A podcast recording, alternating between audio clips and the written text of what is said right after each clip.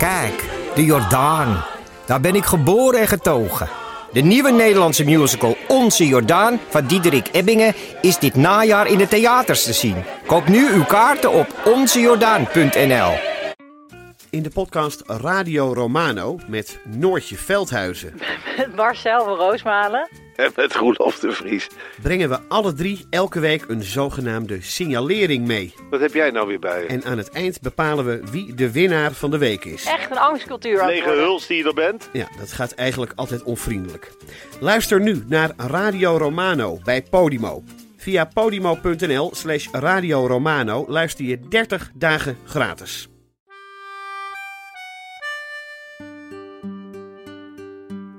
Dit is Man met de microfoon. Met echte en bijna echte verhalen uit een stadswijk. En ik ben Chris Baayema.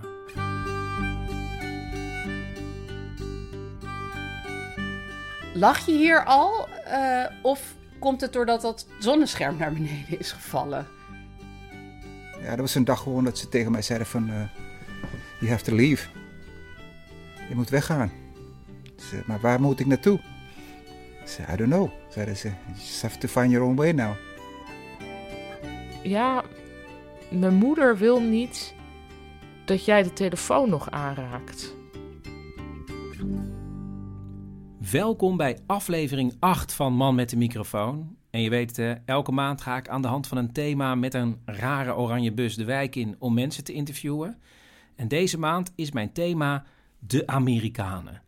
Ja, eigenlijk ingegeven door de verkiezingen die er nu waren. Maar misschien luister je dit programma veel en veel later. Ehm, dus daar ga ik het niet over hebben. Maar ik vond het wel een mooi thema. Dus ik ben op zoek gegaan naar Amerika en de Amerikanen bij mij in de buurt. Daar gaan we zo naar luisteren. Maar eerst is er ruimte voor mijn sponsor, de Koffiecompagnie.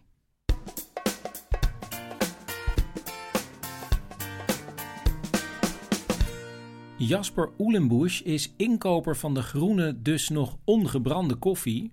En hij werkt al heel lang bij de koffiecompagnie. Dus hij weet ook heel goed wat er in al die jaren is veranderd. Nou, vroeger werd eigenlijk alle koffie op één grote hoop gegooid, één bulk. Eh, en eh, ja, nu proberen we koffies eh, te vinden van, ja, van één bepaalde plantage of van één bepaalde boer.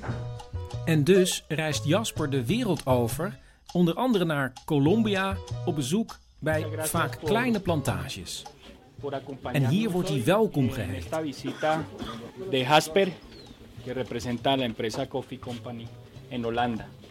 Wat moeten we ons nou voorstellen bij zo'n plantage? Het zijn een soort tuintjes eigenlijk, met, eh, met, een, paar, met, een- met, een, met een paar honderd meter koffiestruiken. En waar ook gewoon hun groente staat en andere dingen verbouwd worden. Ja, en wat doe je daar dan, Jasper?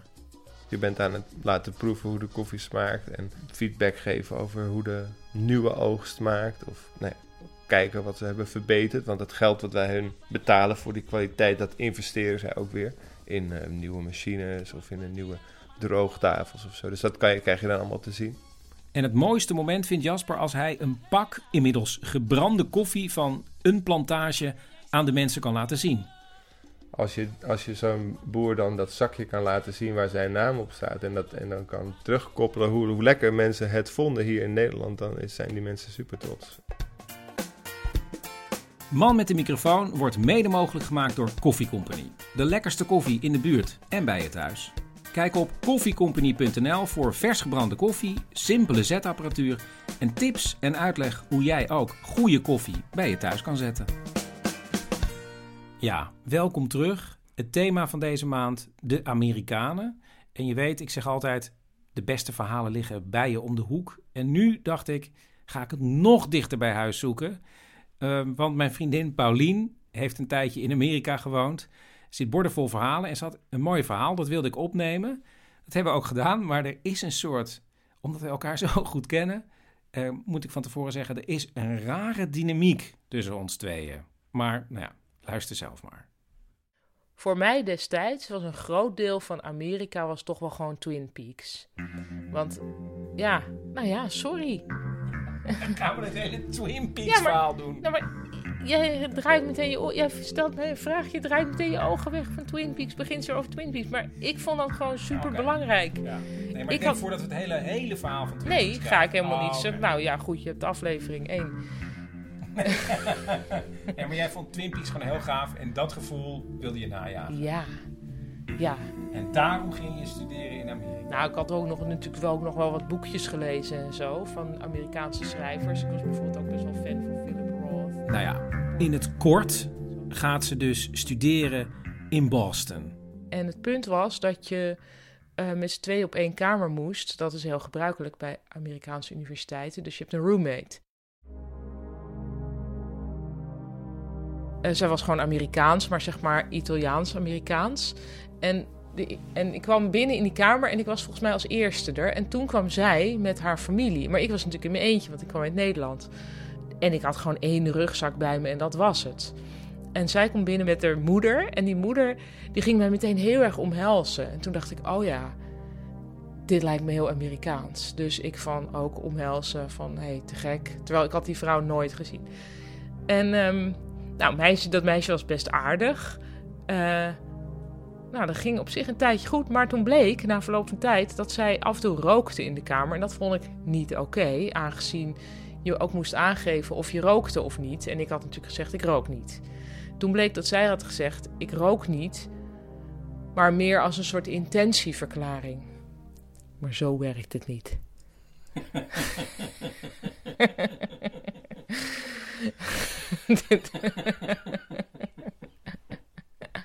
dus. dus. nou, dus ik kom erachter van zij rookt. En ik, ik zei, dat vind ik niet oké. Daarmee natuurlijk ontzettend in mijn recht staan. Nou, dat vond zij op zich ook wel. En toen ging ze buiten dan roken met vriendinnen. Nou, ook prima. Alleen het was daar wel verrotte koud. Dus zij stond dan vaak in de t-shirt buiten te roken met die vriendinnen. En het duurde dan ook niet lang. Of ze had een, een enorme ja, verkoudheid slash keelontsteking, iets ergs. Nou, en toen. Er, was er, er veranderde ineens heel erg iets in de sfeer. Zo van. Ik voelde me ineens veel minder welkom of zo. Dat was een soort heel vreemde sfeer. En toen kwam er een moment dat ze zei: Ja, mijn moeder wil niet dat jij de telefoon nog aanraakt. Toen bleek dat die moeder dus niet wist dat zij rookte. En ook niet dat zij natuurlijk buiten rookte en kou vatte doordat ze buiten aan het roken was. Dus die moeder dacht: hé, hey, waarom is mijn kind nu ziek? Dat moet komen doordat ze met een Europeaan in de kamer woont. Dus er was een theorie dat ik Europese germs, eh, dus bacillen, mee had genomen. En dat die haar dochter ziek maakte. En dat vond ik zo'n eye-opener. Want ik dacht al dat Amerikanen die denken toch van ja, dat Europa vrij classy is. En ineens was ik een soort. Ja, ik was gewoon een vieze vreemdeling. Wat was nou ook zo grappig? Later kwam ik er dus ook achter dat aanvankelijk die omhelzing. Waarvoor ik dus van had gedacht van dat is super Amerikaans om iemand meteen te gaan omhelzen. Dat had die moeder dus geïnterpreteerd als oh, het is een Europeaan en die omhelzen elkaar allemaal. Dus laat ik er maar gaan omhelzen, want het is een Europeaan. Ook zoiets waarvan je denkt: oh ja, dit soort misverstanden, dat is natuurlijk altijd bij culturen die elkaar ontmoeten. En dat zijn dan nog Nederlands en Amerikaans, dat, dat ligt dan nog niet eens zo heel ver van elkaar vandaan.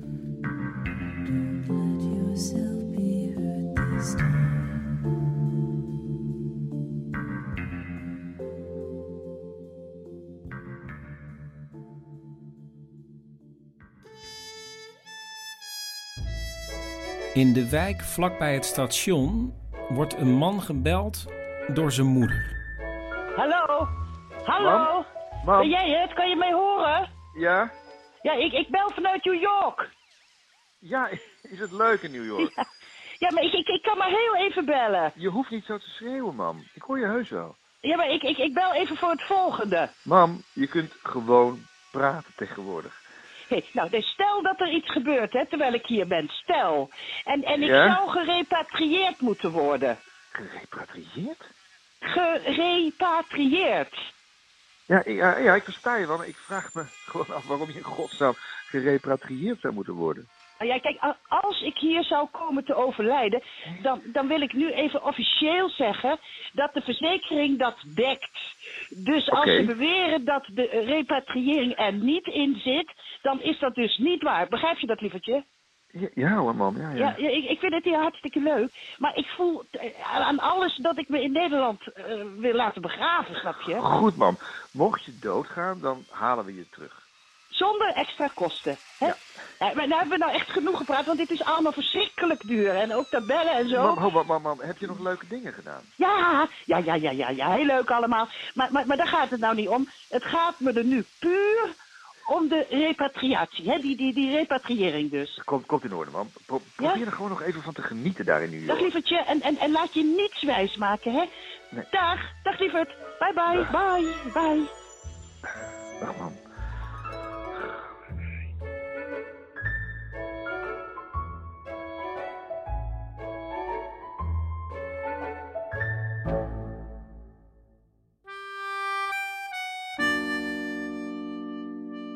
Tussen de ijsbaan en het kleine winkelcentrumpje woont Aaf met haar gezin. En Aaf woonde vroeger als kind een tijdje in Amerika en kwam er weer terug als student. Ik was, denk ik, ik ben altijd heel slecht in dit soort dingen, 24. En toen ging ik in een jaar in New York studeren. En ze huurde een piepklein kamertje in het appartement van een 40-jarige vrouw genaamd Yvonne. En het was winter, dus ik was er al een paar maanden. En ehm, ik zat met eh, drie anderen eh, in de Olive Tree Café. En dat is echt een heel eh, beroemd café, want daar beneden heb je de Comedy Cellar. En daar zijn alle grote comedians, Seinfeld en Amy Schumer en dat soort mensen begonnen. Maar daar gingen wij nooit heen. Wij zaten altijd in de Olive Tree Café. En daar aten we altijd bietensoep, een beetje de goedkope gerechtjes van de kaart. Nou, wij hadden daar dus een avond eh, weer bietensoep zitten eten. En toen gingen we naar buiten. Ik denk dat het een uur of elf was. Het was heel donker en het sneeuwde keihard. Het sneeuwde, al een maand heel hard. Maar we stonden daar onder de luifel van dat café. En ik had al gezien dat... Er was die avond heel veel sneeuw gevallen. Dat iemand met zo'n eh, bezem al die sneeuw van die luifel... van die, dat zonnescherm af had proberen te krijgen. Maar dat was helemaal niet gelukt. En ineens komt die he- dat hele zonnescherm naar beneden. En grappig genoeg valt het op mijn hoofd.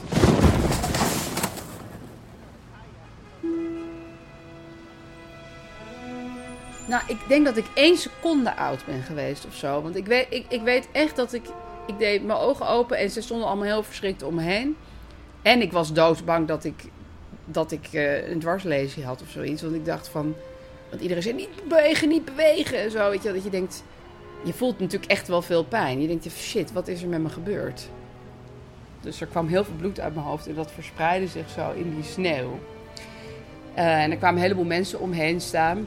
En er kwam meteen iemand van de Olive Tree naar buiten en die zei... ehm, lach je hier al? Eh, of komt het doordat dat zonnescherm naar beneden is gevallen? En toen heb ik zoiets gezegd als... What the fuck does it look like? Aaf wordt naar het ziekenhuis gebracht waar ze één nacht verblijft. En de volgende dag keert ze terug naar het appartement van Yvonne. En die zit haar met een hoofdwond. En die zegt... Die zei... Nou, Je moet ze suwen. ja, maar ze zei het zo. You have to sue! Ook helemaal verder geen medelijden over wat heb je pijn of whatever. Gewoon geld halen nu. Ik dacht wel een beetje, ja, jezus. Ik vond dat systeem altijd al een beetje raar met dat zoeën en zo. Maar ja, ik was wel heel kwaad op de Olive Tree Café. Want ze hadden niks voor me gedaan. Ze hadden ook niet even een bos bloemen nog gestuurd of zo. Dus ik dacht, nou ja, ja. Ach, laat ik het maar proberen. En dus gaat Aaf naar Yvonne en zegt: Ik doe het. En zij kenden een, eh, een eh, advocaat die dat soort zaken heel veel deed. Echt zo'n advocaat uit de tv-series, zo'n beetje zo'n ranzige man. En die, eh, nou, die wilde mijn zaak wel heel graag aannemen. Want het was natuurlijk wel duidelijk dat er geld te halen viel. En dus zei de advocaat: We brengen het voor de rechtbank. Maar ik had er gewoon geen zin in. Dus ik zei, ik wil niet naar de rechtbank. Maar dat vond hij super jammer. Dus hij ging mij elke dag bellen, hoe gaat het met je? En dan zei ik, well, I'm doing okay. En dan zei hij, no, you're not okay. Zei, zei ik. Nou, ik heb nog wel een beetje hoofdpijn. Je hebt heel erg hoofdpijn.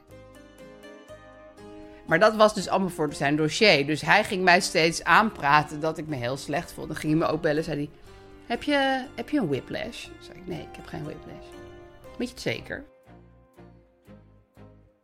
En ik moest ook naar een dokter die hij had uitgezocht. Die ging nog eens even goed naar mijn hoofd kijken. En nou, vond het toch wel heel erg en zo. Dus ik vond het allemaal een beetje aan de criminele kant.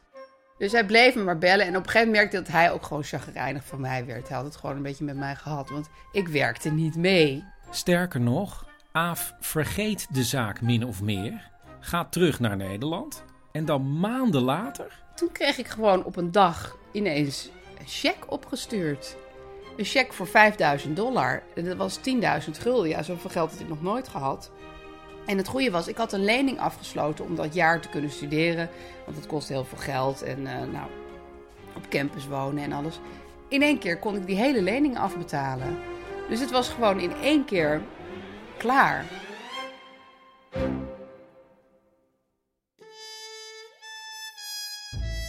Drie straten bij mij vandaan staat sinds kort een portret van een indiaan achter het raam. En dat is bij de heer De Bieberstein. Hallo, Chris. Leuk. Hallo, toch? Chris toch? Ja, ja, Ja. Barend Jan de Bieberstein. Of nee, nee, eigenlijk eens, wacht even. Ho, terug. dus, dus eigenlijk even Big Eagle. Hè? Eagle is arend, maar dat met een B ervoor. Big, Big Eagle. Ja. Want u bent een indiaan. Ook ja, dus part-time. Omdat? Nou, een, een vriendje van mij heeft zich even op de stamboom van de, de Biebersteintjes gegooid. En toen bleek er dus een Amerikaans stakje te zijn waar een indianenvrouwtje aan hangt. Een dat kan je eigenlijk niet een zeggen? enorme giller. Want? nou ja, arendsoog, hè, arendsoog, maar dan anders. Het is natuurlijk vooral super geestig. Hoezo? Nou ja, Ja. kijk, dat, dat verzie je er toch niet. Een, een de Biebersteintje die niet erg netjes natuurlijk zijn ploeg over een lapje indianengrond heeft getrokken. Wilden we jarenlang niets van weten. Maar, eh, wat zeg ik, eeuwen. Maar nu mogen we die vent op onze blote knietjes danken. Ja, want u bent natuurlijk nu voor een deel indiaan. Een Tyrona-indiaan met een Y. Oh ja, maar die ken ik wel. Ja, nou, nou, nou, zie je. Ja, ja. zeker, zeker, zeker. Nou zie je wel. Ja. Maar het gekke is, u ziet eruit als, als een cowboy. ja, nee. U heeft een cowboyhoed, Ja, zeker, u heeft een zeker. ruitjeshemd Ja, maar dat komt omdat ik begreep en heb dat ook die- van die leren. Inderdaad, maar dat komt omdat ik begrepen heb dat die Indianen er inmiddels gewoon uitzien als andere Amerikanen. Ja, nou, het zijn allemaal met hun tijd meegegaan. Hè? Maar het allermooiste, Chris, het allermooiste komt. Dan moet je eens even kijken. Moet je gewoon eens even meelopen, gaan wij eens even kijken.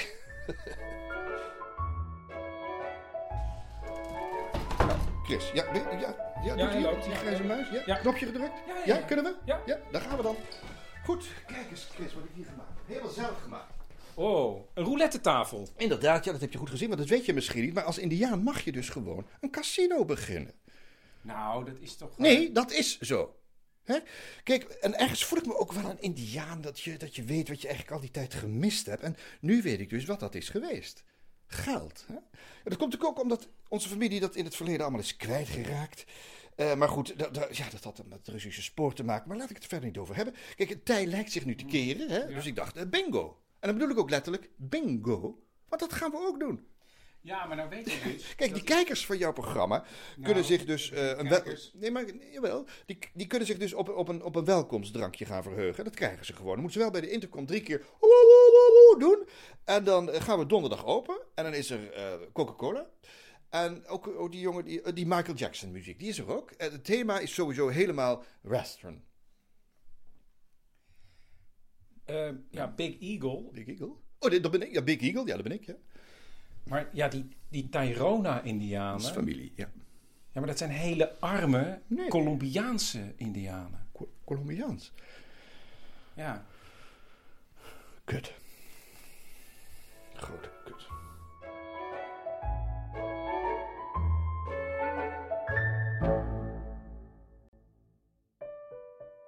Achter het ziekenhuis zit een sportschool. Had ik nooit gezien, maar die zit er al sinds 1983. En hij heet American Fitness. En de eigenaar is de inmiddels 68-jarige martial arts leraar Bob Poublon. Maar iedereen noemt hem gewoon Meester Bob. En dit is zijn verhaal. Bob is de zoon van een Javaanse vader en een Nederlandse moeder. En dat echtpaar verhuisde vanuit Indonesië na de Tweede Wereldoorlog naar Nederland. Maar toen Bob nog heel jong was, scheiden zijn ouders en hij werd toegewezen aan zijn vader. En zijn vader kreeg een nieuwe vrouw en verhuisde met zijn gezin naar Amerika. We woonden dus uh, in Los Angeles. Uh, het was een, een, zeg maar een verpauperd buurt. Uh, het was, ja, ik wil niet zeggen een ghetto, maar vergelijkbaar met een ghetto.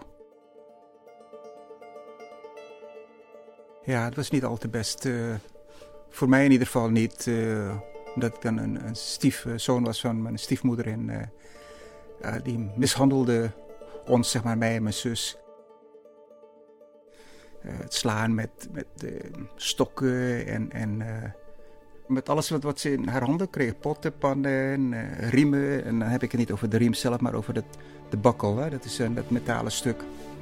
Mochten s'avonds niet slapen. En, en als we dan sliepen, dan moest het echt op de grond gebeuren, op een koude vloer. Mijn vader deed er eigenlijk niks mee. Later uh, kregen we van hem ook een pak slagen, omdat zij het niet genoeg vond. Dus uh, hij deed het een beetje hetzelfde ook. Hij ging ons dan uh, vastbinden tegen het bed aan en hij sloeg ons. en dat ging gewoon jaren gewoon, achter elkaar. Ze had een, een, soort hypnotische effect, denk ik, op ons. Ehm, zij kon dus gewoon naar je kijken en dan eh, werd je al eh, bang, bijvoorbeeld. Ondanks dat hij zich niet tegen zijn stiefmoeder kan verweren, leert Bob zichzelf al op heel jonge leeftijd vechten. Ik was uh, een jaar of vijf, zes toen ik daar eigenlijk al mee begon. Ik ging dan met mijn handen zo leren stoten en, en boksen en, en dit soort bewegingen maken. En uh, probeerde dat gewoon helemaal eigen te maken.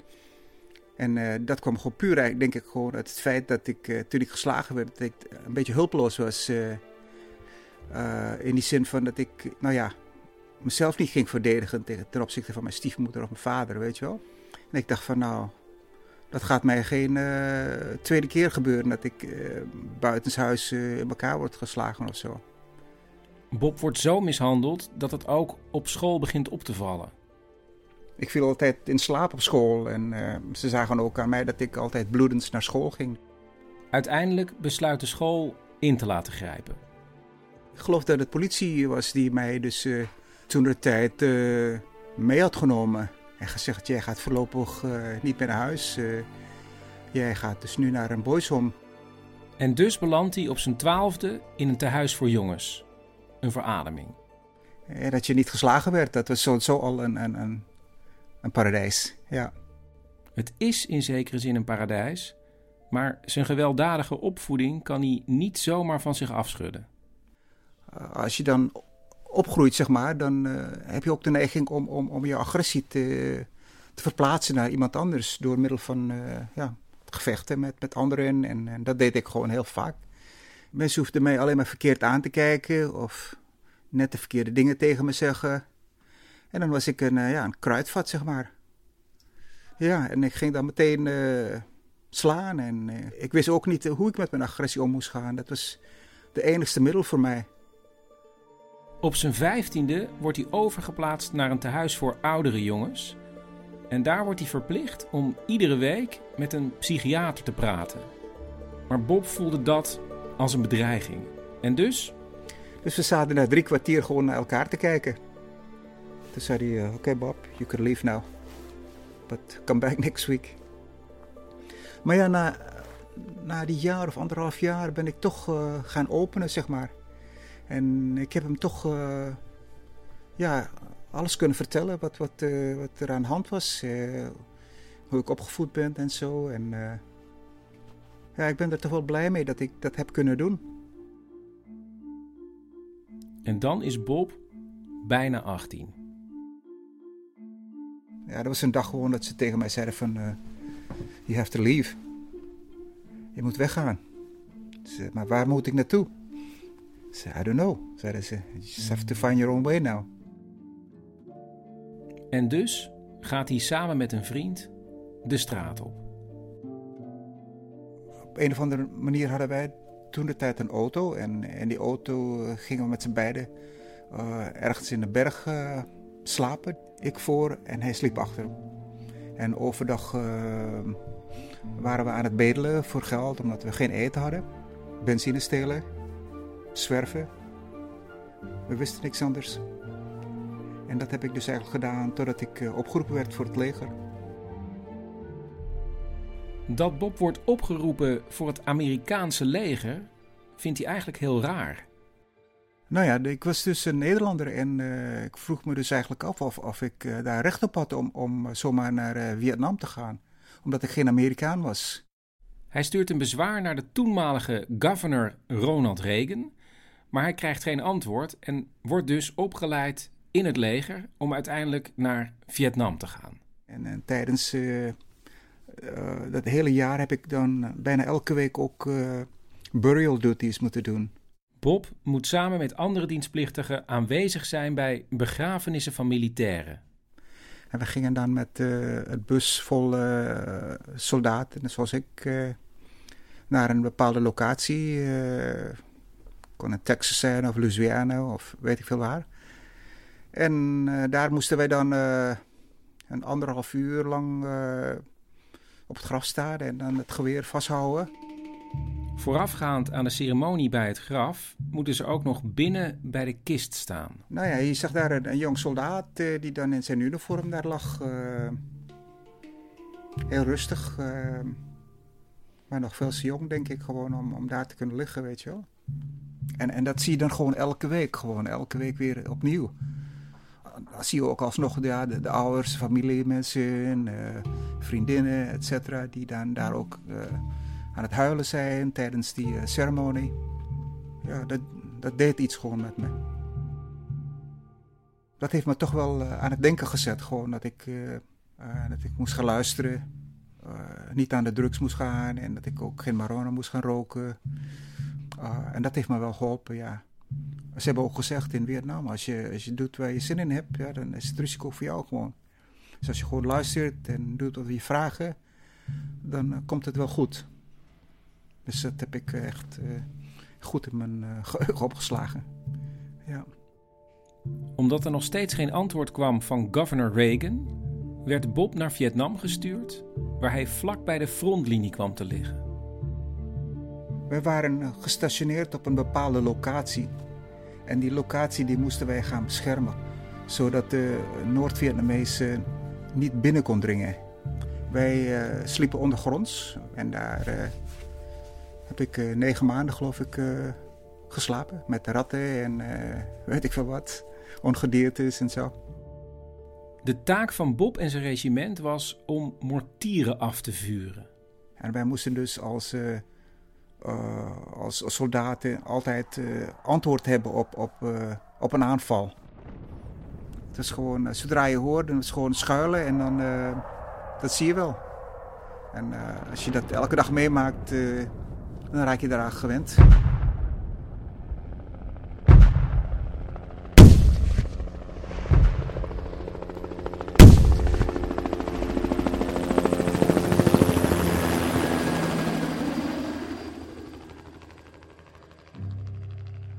Er zijn uh, heel veel, uh, niet, in, niet in mijn unit gesneuveld, maar uh, om me heen wel. En ja, die hebben we dus allemaal moeten zien in, in, in bodybags en zo. Het was gewoon uh, uiteindelijk een, iets waar je gewend aan raakte of zo. Uh, je wist niet anders. Hè? En dan, na tien maanden dienst in Vietnam, krijgt Bob alsnog een brief van Reagan met de mededeling dat hij inderdaad niet verplicht is om als Nederlander in het leger te dienen. Als hij wil, mag hij per direct naar huis ik ben daar niet op ingegaan omdat ik nog twee maanden over had. Dus uh, ik heb mijn tijd gewoon uitgediend. Puur omdat ik ook uh, in aanmerking wilde komen voor, voor de GI Bill, noemen ze dat. Dat is een soort scholarship voor ehm, soldaten die dan Vietnam hebben gezeten. Hij krijgt een Amerikaans paspoort en dient nog twee maanden. Eenmaal thuis blijven de ervaringen vanuit Vietnam Bob voortdurend achtervolgen. Ja, ik was toevallig net uit Vietnam en ik had toen een, een, een een auto gekocht. eh, eh, ging eh, een berg op en plotseling hoorde ik een knal. En toen stopte ik die auto en hij ging dan eh, op de grond liggen. Ik kon ook eh, werk niet lang volhouden. Kon niet naar de winkel gaan. eh, de druk van mensen om me heen, de omgeving. eh. En toch, dankzij de GI-Bill, meldt Bob zich aan bij een universiteit en gaat studeren. En daarnaast stort hij zich op de martial arts. Het was ook weer puur dat gevoel van eh, zelfbescherming. eh, vertrouwen krijgen. Het gevoel hebben dat, dat je sterk bent. eh, dat je alles aankon. Ehm, ik denk dat dat meer de achterliggende gedachte was. Ik was niet anders gewend en om, om, om pijn te hebben, dus dat kon ik wel aan en vond het allemaal fijn. Ging niet vechten om te vechten, maar ik kwam echt daarom om ze pijn te doen. Ja, ik, denk dat ik eh, vrij dominant was en vrij agressief was. eh, dus ik kon al mijn wedstrijden winnen gewoon. Nu hij zo fanatiek aan het sporten is, herinnert hij zich het oude vechtersbaasje wat hij vroeger was. En beseft dan dat als hij de kans had gekregen, dat hij dan misschien een professionele sporter had kunnen worden. Ik had eh, een gevoel voor beweging, eh, coördinatie. Ik had eh, enorm veel inzicht in, in, in sport. Misschien had dat ontwikkeld kunnen zijn daar. En nou, jammer genoeg heeft niemand wat in me gezien. Bob leert nu voor het eerst echt goed technisch vechten. En, ook niet onbelangrijk, Ja, ik heb mijn universiteitsdiploma diploma gehaald en ben er best wel trots op. Bob vindt werk, krijgt ook een vriendin. En samen met die vriendin krijgen ze twee kinderen. Maar de relatie loopt niet goed.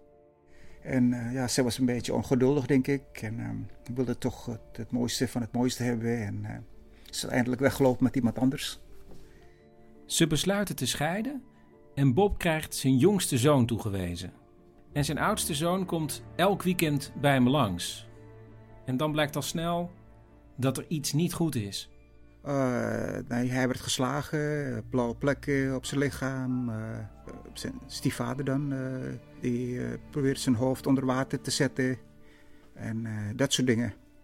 Alle nare herinneringen uit zijn eigen jeugd komen weer boven. En voor Bob is één ding duidelijk. Uh, ik wil niet dat mijn zoons dezelfde dingen ging meemaken dat ik mee heb gemaakt. Dat wilde ik gewoon niet. En uh, ik heb er gewoon voor gezorgd dat dat gewoon niet meer ging gebeuren. Bob schakelt een goede advocaat in en er komt een rechtszaak. Ja, uiteindelijk moest ik met zoveel bewijzen kunnen leveren dat, dat, dat ik de betere uh, parent was. En uh, ik heb dat kunnen winnen. Gelukkig genoeg door middel van allerlei bewijzen die ik heb uh, kunnen verzamelen. Hij wint de rechtszaak en dan moet hij alleen nog de schuld aan zijn advocaat aflossen. Alles wat ik bezat heeft hij uh, meegenomen. Mijn auto's, mijn uh, meubels. En uh, vond het op zich niet vervelend of zo. Eh, ik was gewoon blij dat ik mijn twee kinderen had.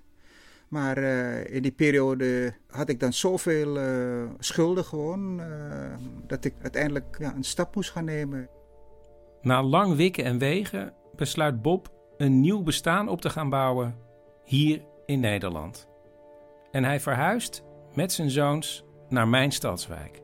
En daar begint hij na een aantal jaar een eigen sportschool, American Fitness, waar hij verschillende vechtsporten onderwijst. Vooral ook aan jongeren. Bob is een fenomeen in de buurt. Hij ziet precies welke jongens en meisjes een steun in de rug kunnen gebruiken. Ik weet hoe het eigenlijk is uh, als je verloren bent, uh, als je nergens naartoe kan gaan, als je geen hulp hebt. Uh, ik probeer zoveel mogelijk kinderen waarvan ik het idee heb die hulp nodig hebben, dat je hun ja, probeert op de juiste pad te brengen.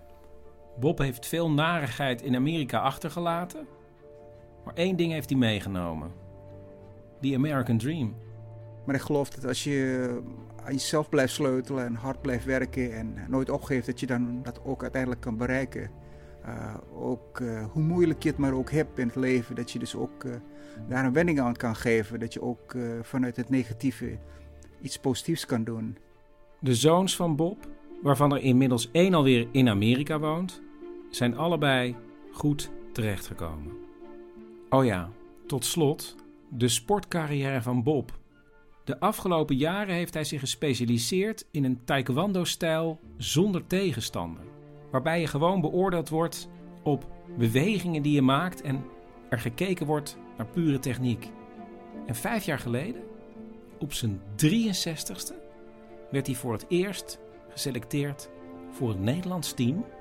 En dit jaar, hij is nu 68, is hij weer geselecteerd. En volgend jaar maakt hij zich op voor het wereldkampioenschap.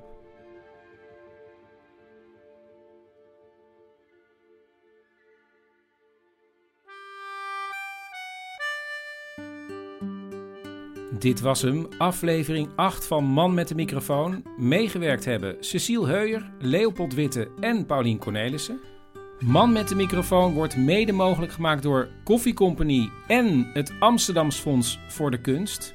En ik zeg het elke keer en ik blijf het zeggen, want Man met de microfoon moet natuurlijk heel lang blijven bestaan. Verspreid het, hè? Twitter en Facebook en Instagram. En laat ook vooral uh, beoordelingen achter in de iTunes Store. En wat het allerbeste werkt, heb ik ontdekt, mond-tot-mond reclame. Dus je moet gewoon zeggen, hé, hey, hier een telefoon. Zo en zo werkt het.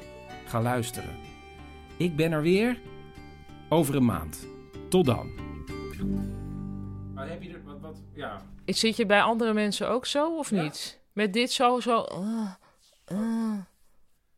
Oh, niet? Nee. Ja. ik luister gewoon. Ja. Nou, nou, luisteraars. Hij zit heel erg in zijn oog te wrijven. Heel, heel boord te kijken. Heel boord te kijken.